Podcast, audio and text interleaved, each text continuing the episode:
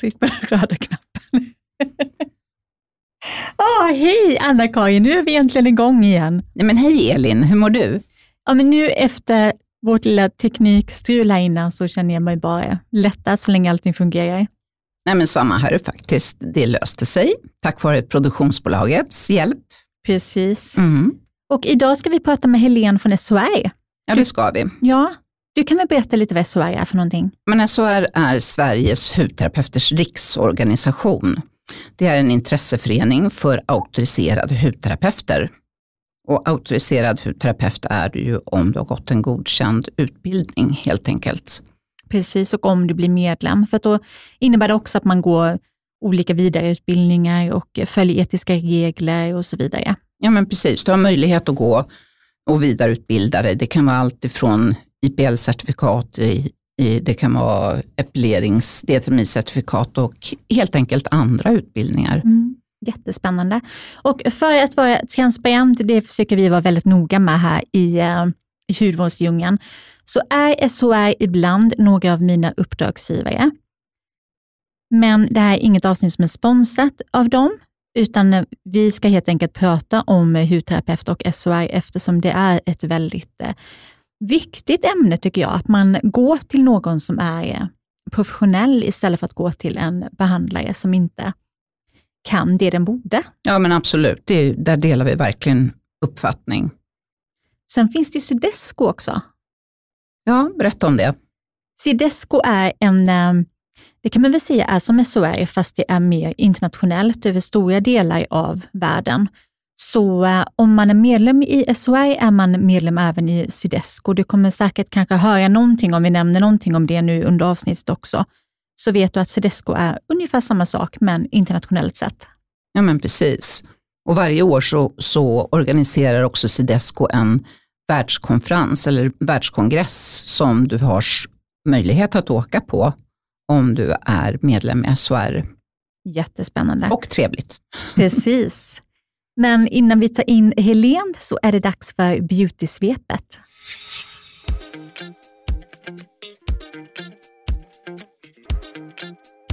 Den här veckan vill jag tipsa om någonting som kallas för microblading, där man gör en slags semi-permanent tatuering av eh, ögonbrynen. Man kan också göra det på läppar och eyeliner.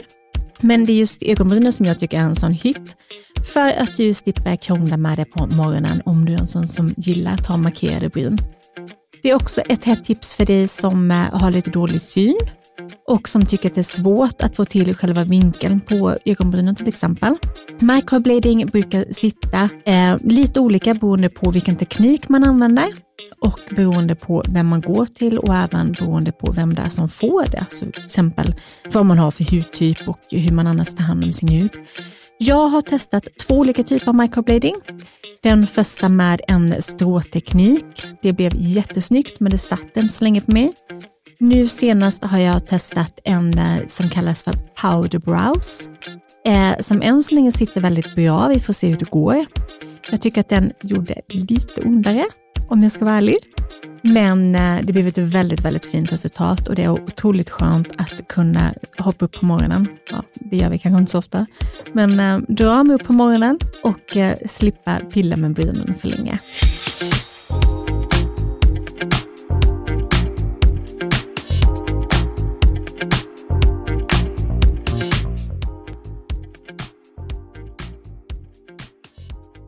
Hon är auktoriserad hudterapeut, tidigare hudterapeutlärare och nu VD för SHR, Sveriges hudterapeuters riksorganisation. En sprudlande färgklick som antingen cyklar eller dansar fram. Välkommen till hudvårdsdjungeln, Helene Westberg. Tusen, tusen tack. Vilken härlig introduktion. Den var fin, men ja. rättvis. Ja, verkligen.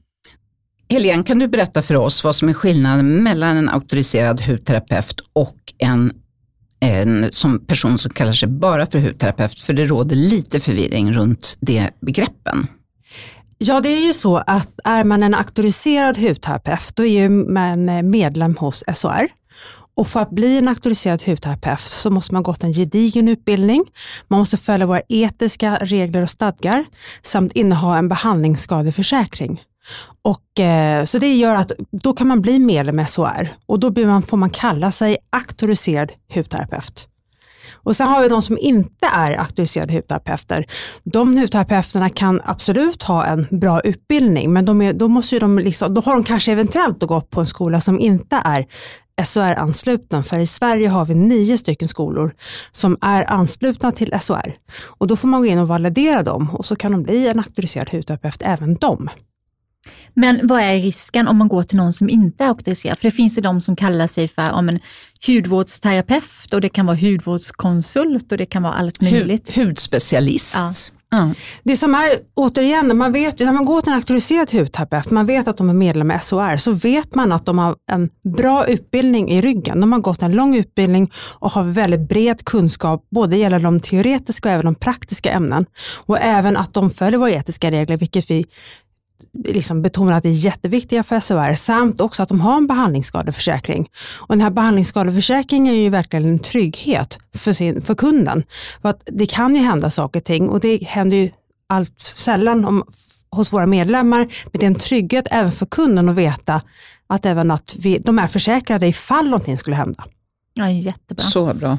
Och jag tänker just på det här, vi, vi nämnde lite att man kan gå vidare i olika kurser och sånt också när man är medlem i SHR och att det är ett av kraven för att man hela tiden ska vara uppdaterad om nyheter och sånt också. Och du Anna-Karin, du har ju precis varit på en kurs. Ja men precis, jag lyssnade på föreläsningen som var i lördags. Just det, hud och sinne. Hud och sinne med Amna, hudläkaren Amna. Som Elias ja. Ja, ja precis. Mm. Jättegivande verkligen. Vad Så. pratade ni om då?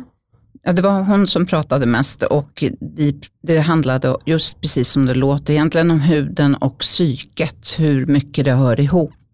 Det har kanske vi som hudterapeuter förstått sedan många år tillbaka men, men nu har de ju även inom sjukvården till och med på, jag tror att det var både Malmö och Karolinska öppnat någonting som de kallar psykodermatologiska mottagningar där man verkligen jobbar med kunder, eller patienter heter det, som, som har både, ja, hudproblem som kan ha gett psykiska problem eller psykiska problem som har gett hudproblem. Det är ju egentligen ingen skillnad.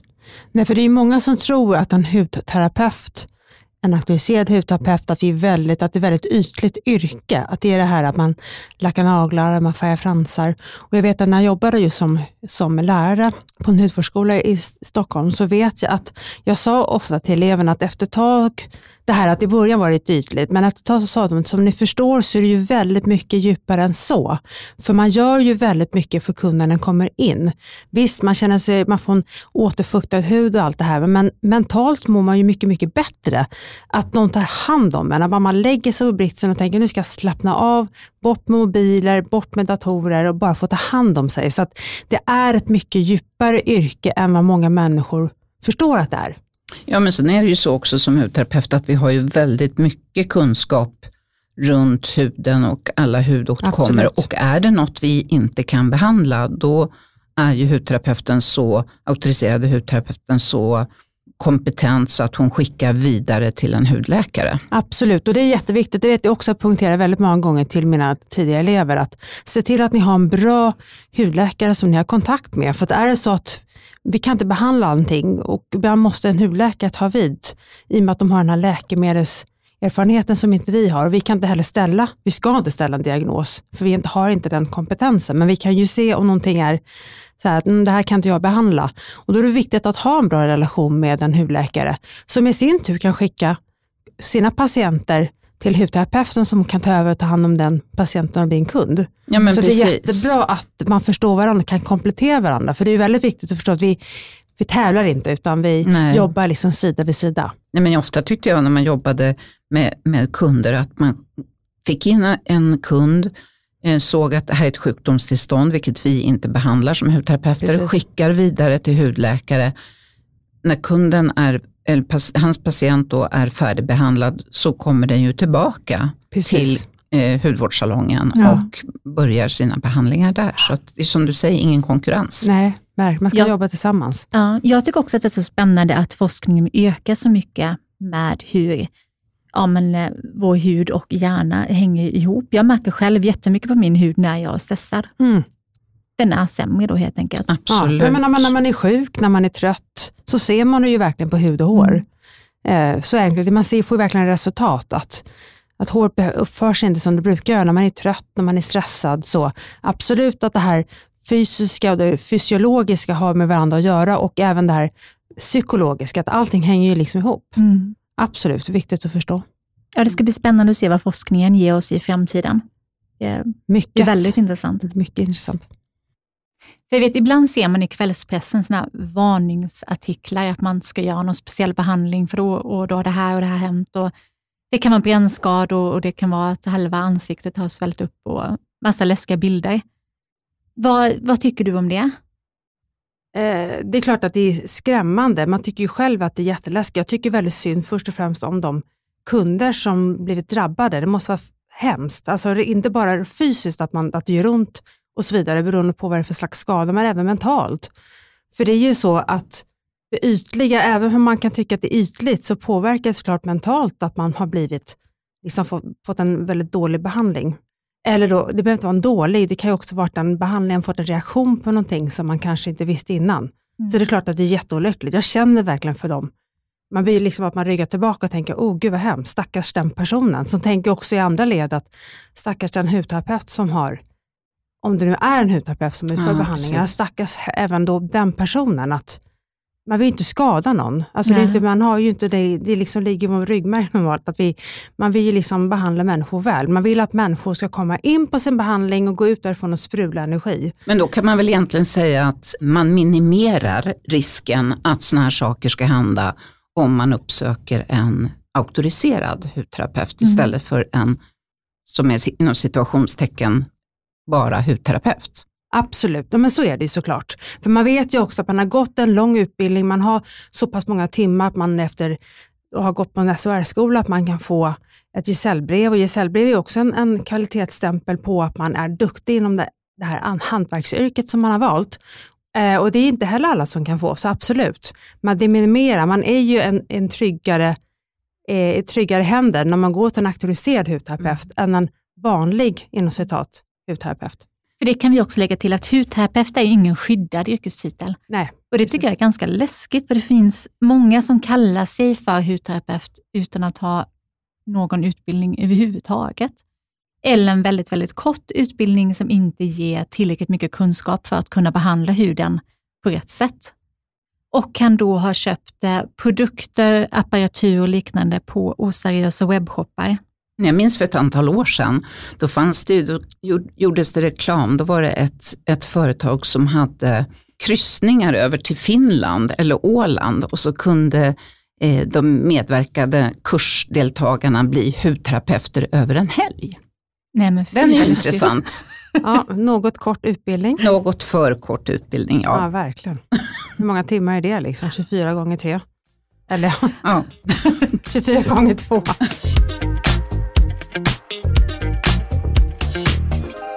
Kan du berätta vad SHR gör? Vad är SHRs arbete? SHR egentligen är ju en branschorganisation som ser till att vi tar hand om våra medlemmar som är medlemmar hos oss, vare sig det är en personlig medlem, en eh, servicemedlem, alltså företag, leverantör som är medlem hos oss. Eh, och vi ser till att vi tar fram bra villkor. Vi jobbar ju egentligen för den här auktorisationen igen. Vi jobbar ju för att höja standarden och nivån av vår bransch i Sverige. Eh, så det är ju väldigt mycket basen i egentligen att vi har våra etiska råd eller etiska regler och våra stadgar som eh, man måste följa. Så ska man vara medlem i SHR så måste man uppföra sig helt enkelt. Och det är basen. Sen har vi ju såklart eh, förmånsgivare till våra medlemmar, vare sig det är hotell eller bokningssystem och så vidare. Så att, och sen gör vi ju såklart ut tidningen. Vi har ju hud och kosmetikmässan varje år. Eh, Underbart. Så att, eh, ja, det är till basen. Sen finns det mycket annat såklart, beroende på vad för slags medlemskap då man tänker Mm. på. Det jag tänker på med SHR som jag uppskattar, jag har ju varit medlem sedan 83. Och, ja, Oops. Ups, då förstår ni själva. Eh, och eh, vad jag uppskattat så mycket det är alla vidareutbildningar. Att man kunde, jag var själv med en gång i tiden och tog fram det här IPL-certifikatet tillsammans Ah, med några andra och att man verkligen kan att kunden kan hitta special, alltså specialiserade hudterapeuter som är duktiga till exempel inom D-termi eller IPL och sådana saker. Ja. Det tycker jag ger sån tyngd Absolut. till yrket.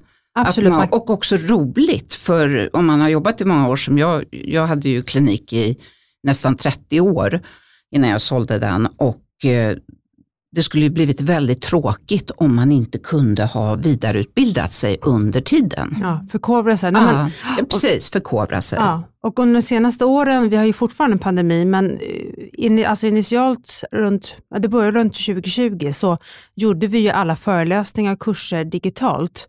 Eh, och det var också en test för att vi var ju rätt vana att ha allting fysiskt och det är väldigt träffa, trevligt att träffas fysiskt. Men jag har förstått efter de här åren att många medlemmar verkligen uppskattar att man kan logga in digitalt. Speciellt de här lite kortare föreläsningarna med till exempel Amna, vår- den här hudläkaren som vi har samarbete med. Att man kan, man behöver inte stänga igen hela salongen ett dygn, resa, kanske bo på hotell, att man kan logga in. Så att det har varit väldigt uppskattat. Eh, Så det gör ju också att det, är liksom, att det är mer tillgängligt. För det kan ju, nu vet jag inte riktigt hur många som kanske skulle ha kommit om vi hade det fysiskt, men digitalt gör ju liksom att det öppnar upp till möjlighet att lättare kunna anmäla sig. Man behöver inte liksom, man stäm- stänger s- salongen en förmiddag, sen kan man göra behandlingar på efter lunch och ändå liksom hinna med föreläsningen. Så det är ju väldigt uppskattat, så det kommer vi fortsätta med. Men jag tänker också, du har ju pluggat i London till hudterapeut Precis. och sen så jobbade du som lärare på en hudterapeutskola i Sverige. Vad tycker du är största skillnaden mellan utbildningarna i England och här?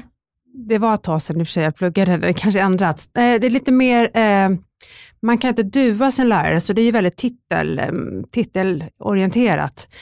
Min lärare hette Miss Senakis, hon var halvgrekinna, halvirländska. Förbaskat man får säga på ren svenska, lärare. Hon la väldigt mycket grund själv när jag var själv lärare eh, och väldigt strikt så.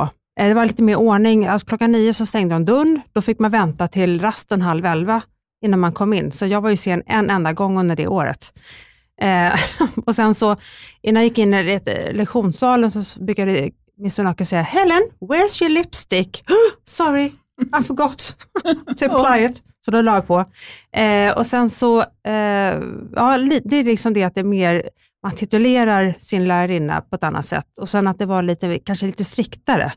Men det har jag inte mått dåligt av, för det har jag verkligen tagit med mig. För det är ju så här att man inte kommer in först halv elva, då tycker man det här var ju tråkigt att sitta här och vänta i något tråkigt eh, kafeterierum. Så att då gjorde jag inte om det igen. Så att, och utöver det så var det fantastiskt. Missunakis var en, jag har letat och försökt att leta upp henne faktiskt. Hon har säkert gift sig, hon heter någonting annat idag. Men hon var, la verkligen grunden till väldigt mycket av min hudvårdskarriär. Eh, så att eh, hon var ju väldigt, hon var strikt, men hon var också väldigt, eh, väldigt trevlig så. Väldigt Härligt. rolig. Ja, Ja, fantastiskt. Men Ja. vad tänker du kvalitetsmässigt? Ligger det på samma nivå, Ja. utbildningen? Ja. Det skulle jag nog Ja. säga. Alltså jag, nu vet ju inte alla skolor, nu var det här en Cedesco-skola, så vi, då var ju, och Mm.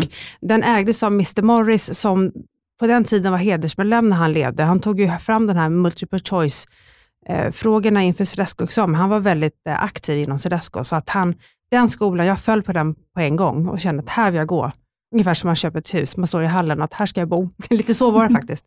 Så att, eh, ja, kvaliteten tycker jag absolut. Om man jämför med den skolan och där jag har arbetat i Sverige, så absolut. Härligt. Men eh, Anna-Karin, du har ju också varit lärare på en eh, hudterapeutskola. Hur tycker du att det var? Det, alltså det var fantastiskt roligt, så underbart kul. Givande att få lära ut det man själv hade jobbat med i många, många år. Det tyckte jag var skoj. Men sen kände jag också att eh, det hade ju utvecklats, alltså utbildningen hade ju utvecklats enormt från när jag gick min utbildning på 80-talet till att, att det här var ju kanske 15 år sedan som jag jobbade på en, en av de statliga skolorna som fanns då. Okej. Och nej, det var ju på ett helt annat sätt faktiskt. Och, lite, och också utbildningen var längre, alltså har ju blivit längre än vad den var från början. Så att nej, kvalitetsmässigt har det ju höjts genom åren och Ja. det har väl hela vårt yrke gjort kan jag tycka. Och det är ju bra det tycker Ja. jag. Det måste ju ändå följa med utvecklingen Ja. kan man ju tycka. Ja, Sen, jag minns, bara för att säga, när jag var lärare så minns jag så mycket i början där när jag lärde ut helkroppsmassage. Och det var ju då 20 i varje klass och så var det liksom 10, de jobbade ju såklart på varandra och de hade lärt sig hela massagen. Och så släckte vi ner och så hade jag säkert musik och så stod alla om 10 och masserade min massage, fast det var ju inte min massage då. Det var ju Missenaki som hade lärt mig den. Men då tycker jag fantastiskt, tänk att, tänk att jag kunde faktiskt överföra den här informationen, Ja. kunskapen till några andra människor. Jag bara satt och tänkte, gud vad häftigt. Och Ja, alla, det är- nästan, alla nästan masserade samtidigt. Det var nästan så här lite, jag tänkte jag får nog sätta mig, jag börjar bli lite yr. Nej, Det var fantastiskt faktiskt. Det var otroligt, jag kommer aldrig glömma det. Det var verkligen något jättehäftigt. Var det någonting som du tyckte var väldigt svårt? Alltså under, att, under tiden du utbildade, var det någonting som var svårare för eleverna att lära sig till exempel? Du menar i Sverige eller i? I Sverige? Eh, att lära sig. Alltså jag hade ju vissa, det var någon eh, elev som sa någon gång, Helena varför har du alla svåra ämnen? Jag bara, jag vet inte. Det hade inte för sig, det var, jag hade inte anatomi och dermatologi och det är ju rätt svårt. Men jag hade ju apparatur, både ansikte, kropp och fysik, kemi. Eh, så att eh, jag vet inte, jag, jag tror nog att många tyckte så här, nu ska vi lära oss grundläggande, det här periodiska systemet, det är väl inte så kul. Men jag, tänkte, jag försökte alltid lätta upp det, för med humor och färg så går det mycket lättare att lära sig någonting. Så att i slutändan så förstod faktiskt alla. När de skrev provet så förstod de. Eh, därför jag utgick gick väldigt mycket på på, mig själv. För jag var aldrig någon så här naturvetenskaplig person när jag gick i gymnasiet. Och det. Så att jag, eh, de tyckte nog kanske att det var lite svårt så. Och även apparaturen. Men jag försökte liksom förklara varför man gör någonting och, liksom, och varför, varför man inte gör på det sättet. Ja, se, liksom, Mm. se båda delarna, att så här ska man göra, här ska man inte göra och varför förklara. Så tror jag nog att de förstod mer. Men det är klart att apparaturen, det är också, alla de här ämnen som jag nämnde är nog rätt svåra egentligen, men jag försökte göra det så lätt som möjligt. Det är ju en väldigt gedigen utbildning. Det är en ganska tung utbildning, även fast det är inom en relativt ytlig värld. Ja, precis. Ja. Menar, hur många gånger har man inte förklarat för folk? Eh, Jag vet, så, jag vet om det var under tiden som, det var någon när jag jobbade här i Sverige som hade visat liksom underlagen, alltså anatomin och allting till någon och då liksom reagerar andra personer med att håller på att läsa till undersköterska. Nej, men det är ju väldigt Eh, lika faktiskt. Det är väldigt, och Ja. faktiskt är det någonting sånt här som man, mest, man vill nästan stå och rulla ut till folk att det är inte bara lacka naglar och liksom Nej. det här att bara ska du plugga ett år för att lära lacka naglar och lägga på lite smink och så tänker man nej. Nej. Så det där är också bra för jag ändrade i och med att den tidigare för massor med år sedan hette ju kosmetolog, nu heter Ja. det ändå hudterapeut så att Ja, man lite mer, att man behandlar huden bland annat. Så att, Mm. ja. Men du tog ju en paus där efter skönhetsbranschen. Från skönhetsbranschen kan man väl säga. Ja. Ehm, vad var det som fick dig att komma tillbaka igen när du blev eh, VD för SOR? en person som övertalade mig väldigt väl att komma tillbaka. Det är klart att jag var i läkemedelsbranschen två och ett halvt år och det var jättebra. Det har lärt mig väldigt mycket, också saker som jag har tagit med mig i min vd-roll. Allt man gör i livet är inte förgäves oavsett nu om det är en kurs man inte gått slut, eh, tagit examen i så. Men jag känner nog att det är passionen. Eh, vi som jobbar inom den här branschen, vi är ju liksom riktiga nördar i det här. Vi älskar ju allt som har med skönhet att göra. Och jag tror nog att jag pratar för alla faktiskt. Sen ska man inte säga alla, finns väl någon som kanske inte riktigt tycker så, men jag tror att det, det är passionen för den här branschen som jag känner att nej, nu är det dags att komma tillbaka. Eh, jag har varit borta ändå två och ett halvt år, det är ändå, inte lång tid, men jag har ändå varit hudterapeut sedan 94, så att, men eh, jag känner att det var dags att ta mig tillbaka.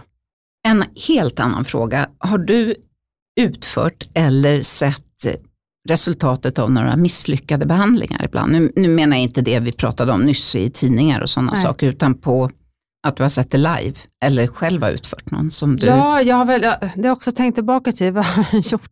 I mina unga år så, ja det var ju en, vet att det var en tjej som kom in på brun utan sårbehandling och den funkar inte. Det hände ingenting. Så jag tror att jag gjorde två stycken komplement, alltså gratisbehandling efter det och det bara gick inte. Då sa jag till henne att det här, det, det blev ingen bra kemisk reaktion mellan dig och den här produkten. Så att Nej. det är inte helt, men jag, jag gav ju gratisbehandlingar till henne. Jag tänkte det måste ju bli någon färg. Sen har jag ju kanske råkat eh, vaxa bort lite för mycket bryn, kommer jag ihåg. Jag, vet, jag, fick, gud, jag känner mig verkligen... Eh, jag tog den här lilla vaxremsan och skulle bara ta lite grann och så mitt på brynet så råkade jag få med lite, så här, lite hår som inte skulle med.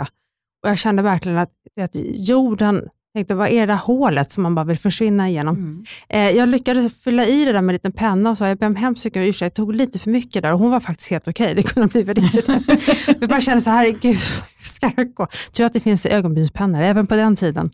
Sen så har vi haft någon, nu pratar jag faktiskt för mig själv, jag själv har åstadkommit, eh, listan är inte lång som tur är. Nej, det, är kan, det är någon som har, har vaxat som också fått en jättereaktion efteråt. Jag vet inte riktigt vad det var och eh, jag, jag försökte också utvärdera varför och sådär.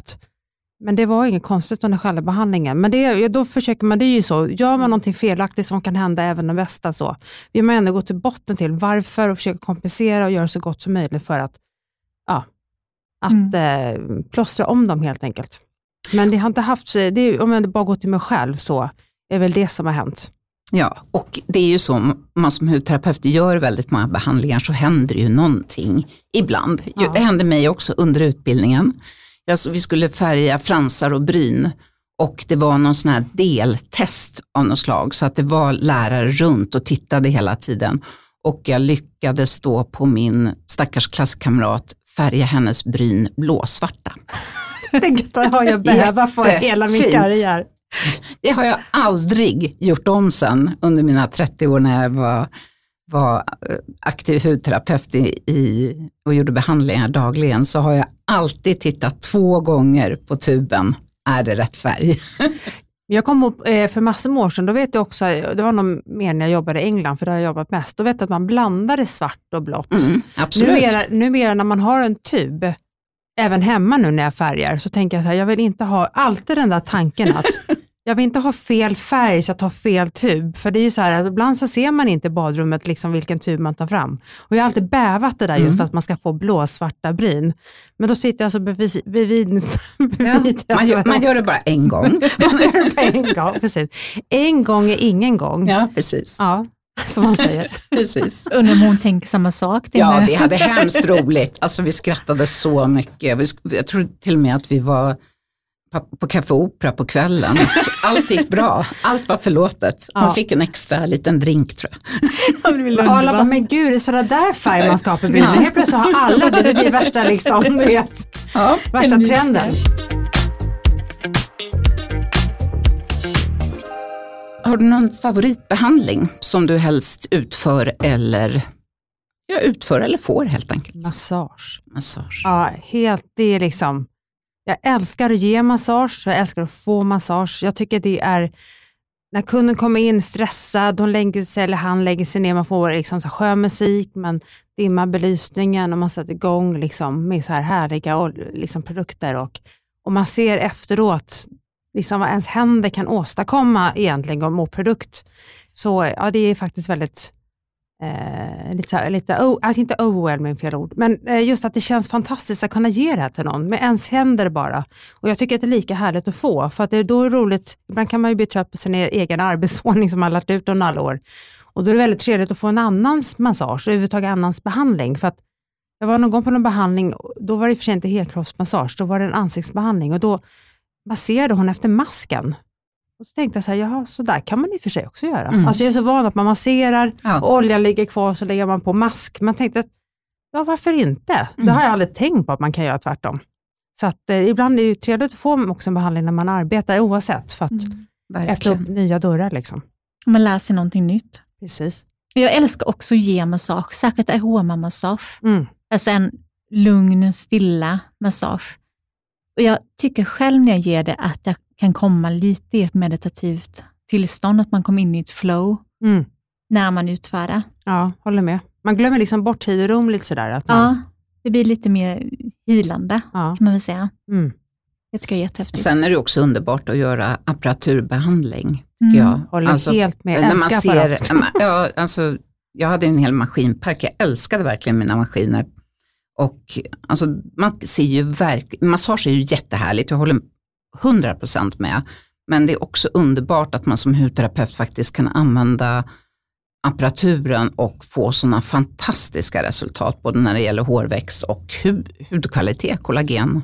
Mm. Vilken, vilken, tycker du Anna-Karin, vilken apparaturbehandling gav bäst resultat på dina om, kunder? Om jag måste välja? Ja. Eh, IPL, Skin Rejuvenation och sen älskar jag ju mikroström i alla dess former.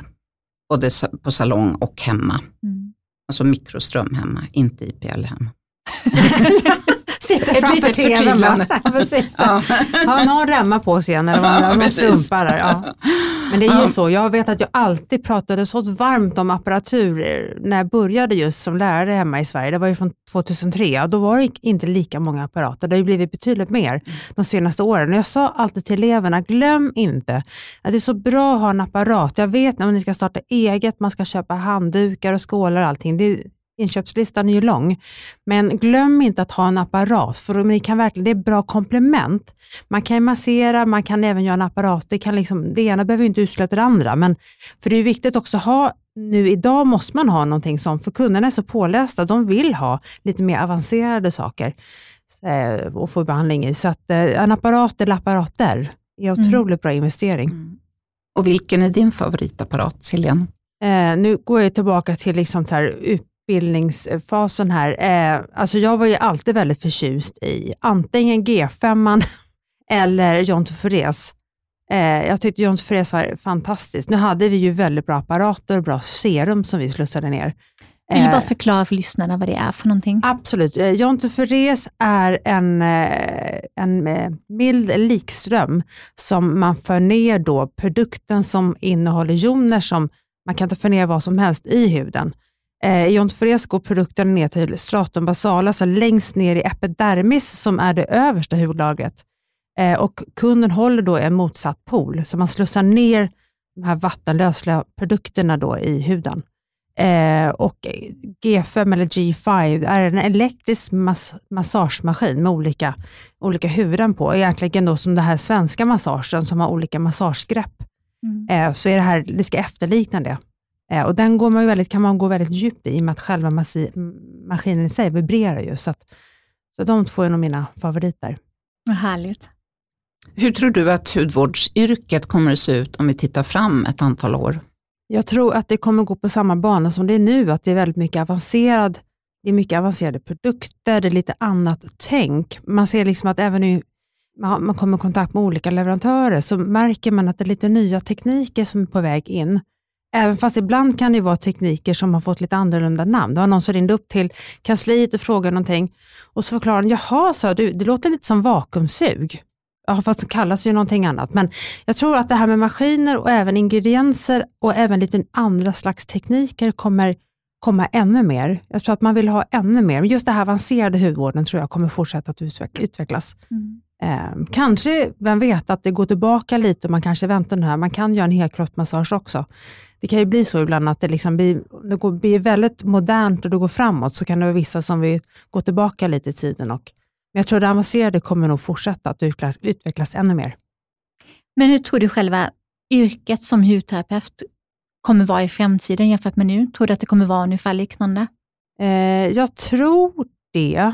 Men sen såklart att även där så blir det att man, eleverna kommer lära sig, och det gör de även idag, att de lär sig helt annan apparatur än när jag utbildade eh, hudterapeuter. Så att jag tror även där att man kommer liksom locka och marknadsföra sig med att vi under året hos oss så kommer du även lära dig följande maskiner. Så mm. de kommer lägga in saker som inte finns med i, i Cedescos, om man är i en Cedesco-skola, att det, att det finns ju inte med i kanske Cedescos kursplan, men man lägger in saker och ting och lär, lär sig ännu mer.